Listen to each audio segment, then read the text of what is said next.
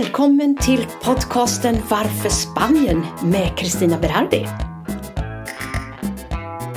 Hjälper nedstängningen i Spanien till att minska smittan? Kommer våra politiker att kunna innehålla vaccinationsplanen? Att 70 procent av befolkningen ska vara vaccinerad till sommaren?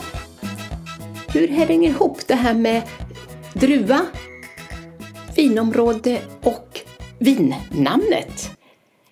Och vad är våra favoritviner? Det är lite vad jag kommer att ta upp i veckans avsnitt. Jag har ju sagt det förut att jag bor ju i eh, Comunidad Valenciana. Och eh, det kom ut ett nytt direktiv här att eh, vi får inte ha några restauranger eller matserveringar öppet. Det är helt nedstängt. Regeringen har gått ut med information om att vi har utegångsförbud från klockan 10 på kvällen till klockan 6 på morgonen. I fredags så var det 300 restaurang och barägare som demonstrerade i Torrevieja och eh, borgmästaren eh, var också med och pratade med folket där. Jag förstår dem, det här är ju en ekonomisk katastrof. Det känns som att vi nu efter tio, snart elva månader i en slags eh, eh nedstängning av landet eh, så får det enorma ekonomiska effekter. Och eh, inte bara det, folk mår dåligt. Och ni vet när folk inte har pengar, man vet inte hur man ska betala hyran, hur man ska överleva, man kanske har familj att försörja. Alla affärer går dåligt. Så blir man ledsen, man blir deprimerad. Så det får psykiska effekter också på folket och hela landet. Och det verkar som det är pest eller kolera vi får välja på. Hälsan eller ekonomin. Det verkar vara svårt att kombinera dessa två. Hur som haver så kom det ut ett nytt direktiv nu i vår Comunidad. Och det är att städer med 50 000 invånare i. Vi får inte besöka dem och de får inte besöka oss som har färre invånare från fredagar klockan 15 till måndagar klockan 6 på morgonen. Det här är ju något helt nytt och eh, just nu så råder ju förvirring. Vad ska vi göra? Hur ska vi göra? Får vi? Kan vi? Och så vidare. Det är inte lätt. Folk frågar, kan vi fortfarande åka ner till Spanien? Får vi åka till våra hem? Det enda som är klart idag det är att vi får inte, om vi landar i vår Comunidad Valenciana, till exempel i Alicante, så får vi åka till vår bostad som är i vårt distrikt. Vi får inte åka in till Murcia, Andalusien eller någon annan plats. Det är det enda som är klart. Vi måste vara här. Och Många tänker ja, men jag måste ju passera Torrevieja. Ja, på vägen. Jag kan inte tro att flygplan får starta från ett land, landa i Spanien och sen får man inte passera en större stad. Så att det här är många frågetecken just nu och ingenting är klart. Och det här träder i kraft från och med idag och kommer att vara giltigt till den 15 februari. Det vi också har att affärerna stänger klockan 18. Det kan jag också säga att många affärer har stängt ner helt baserat de har dragit ner sina persienner, stängt igen. Affärer som får vara öppen till klockan 10 det är livsmedelsaffärer och apotek och andra sådana här livsnödvändiga eh, saker. Så det är fortfarande eh, mycket som man måste tänka på. Det är restriktioner här och där för det ändras från en dag till den andra. Och det är inte lätt att hinna med alltihopa det här. Vi vet inte hur det blir med att öppna landet igen. I somras var ju Spanien öppen och det kom in jättemånga turister. Jättemånga, det kom in många turister. Inte så som det brukar göra, men ändå. Hälsoministern säger så här att eh, till sommaren har vi vaccinerat 70 procent av befolkningen. Ja, det låter ju bra. Vad är då 70 procent? Det är inte så lätt att säga. Eh, jag menar, vi är 50 000, förlåt mig, vi är 50 miljoner invånare i Spanien. Vi har en nativitet och moralitet som är lika, så vi kan bortse från det. Sen har vi en invandring. Vi har en ständig invandring. Sen har vi ett antal barn. Och vi vet inte till vilken ålder har man sagt de här behöver inget vaccin. Så om jag estimerar det här och säger ja men okej, det är nog 35 miljoner som ska vaccinera sig till sommaren. I min estimering har jag faktiskt exkluderat det som inte vill vaccinera sig. Men jag har ju ingen aning om hur många det är. Men en estimation är en approximation, eller hur? Och gör man en liten enkel beräkning på det här eh, fram till slutet, eh, vi säger slutet av juli. Och jag vet inte vad de menar med sommar, det kanske är slutet av augusti. Men om vi räknar på 30 veckor. Det betyder att man måste vaccinera i genomsnitt 1,3 miljoner människor i veckan. Och då ska vi komma ihåg att varje person ska ha två doser för att få ett fullgott skydd. Så att eh, då kan man säga att det är ungefär 650 i veckan som, som får en ny dos eller sin andra dos. Sen måste det ju gå någon tid därefter tills man har det här fullgoda skyddet vad jag förstår. Hela världen skriker efter vaccin. Och då tänker jag på de här vaccintillverkarna. Vi har ju fyra stycken, eller hur?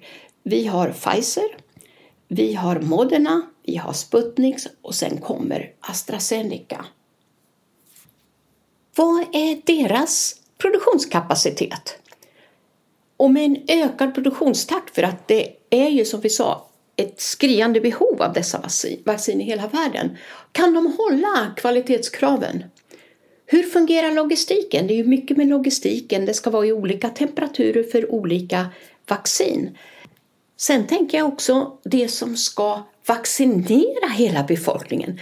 Är det någon begränsning i antal personer där som kan förlänga tiden eller någonting? Det är så många stora frågetecken för mig. Det är bara tiden som får ge det här svaret till oss. Jag tänker också, kommer det att bli begränsningar att man säger så här, du får bara komma in i vårt land om du kan visa intyg på att du har fullgott skydd, det vill säga tagit dina två doser. Det finns säkert flera faktorer som inte jag har tänkt på som kommer att dyka upp.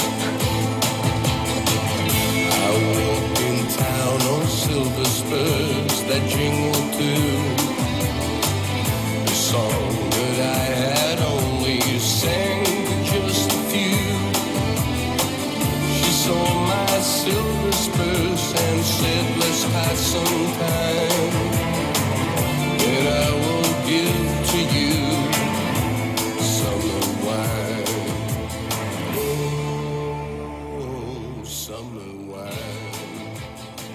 Det var Ville Valve som sjöng för oss Summer Wine. Och då kommer vi osökt in på viner. Visste du att den första vintillverkningen gjordes redan för 6000 år sedan före Kristus. Det är alltså 8000 år sedan. Och det gjordes i Kaukasus som idag heter Georgien. Och den kom till Grekland ungefär eh, före 4000-talet och eh, för där har de hittat också att det finns krukor och andra redskap som användes till vintillverkningen. Det var mest vitt vin. Eh, till Italien och Spanien nådde den här vinkulturen ungefär tusentalet före Kristus. Alltså det är ju enormt. Och de här vindruveplantorna, de har ju rötter som går ner 20-30 meter ner i jorden. Och de kan faktiskt med själva grenarna och bladverket täcka en yta av 6000 kvadratmeter. Alltså, det här var ju så himla intressant. De första vinplantorna i Europa det var Vitis viniferan. Och eh, romarna de spred ju den här vinodlarkonsten till, till ehm, eh, andra länder inom Europa och de hade faktiskt fått den från grekerna. Och en annan intressant sak som jag lärde mig, jag vill inte ta alltihopa om historien med, med vinerna, men i eh, USA så har de ju också eh, vinodlingar.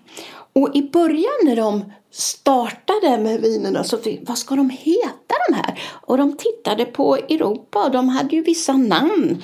Och då började de sätta sådana här jättefantasifulla namn på sina eh, vinsorter.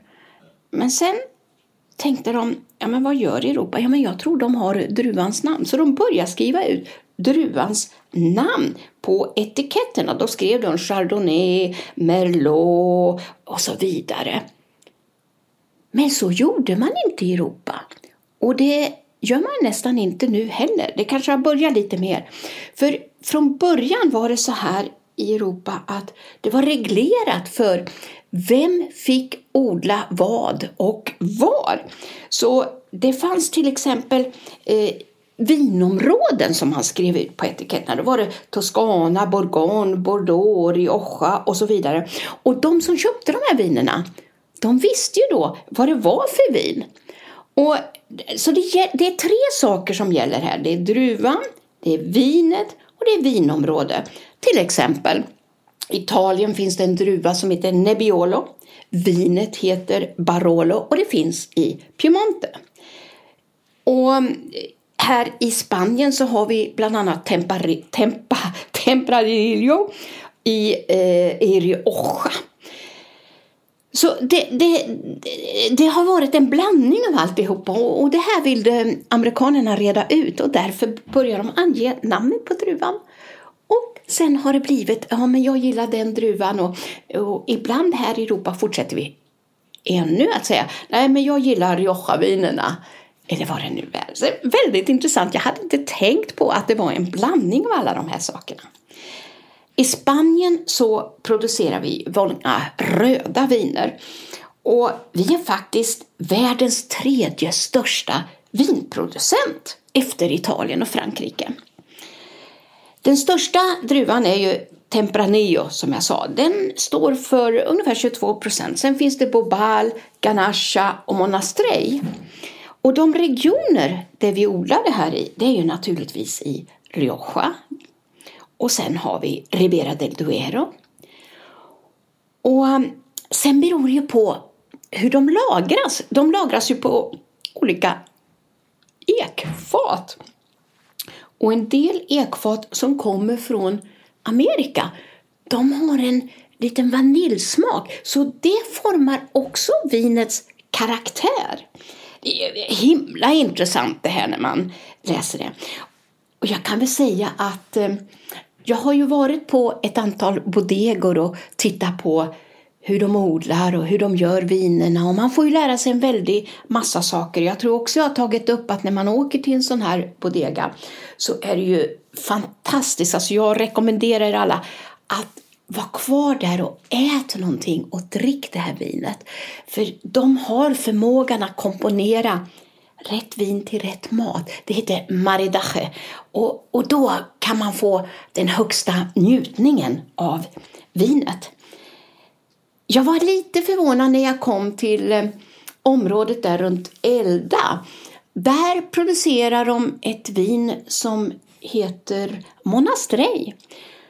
Och när de berättar att ja, man kan blanda eh, deras kava med rött vin eller vitt vin och vitt vin med rött vin och så vidare och få fram några andra smaker och karaktärer. Det har jag aldrig hört att någon har sagt förut, men så säger de.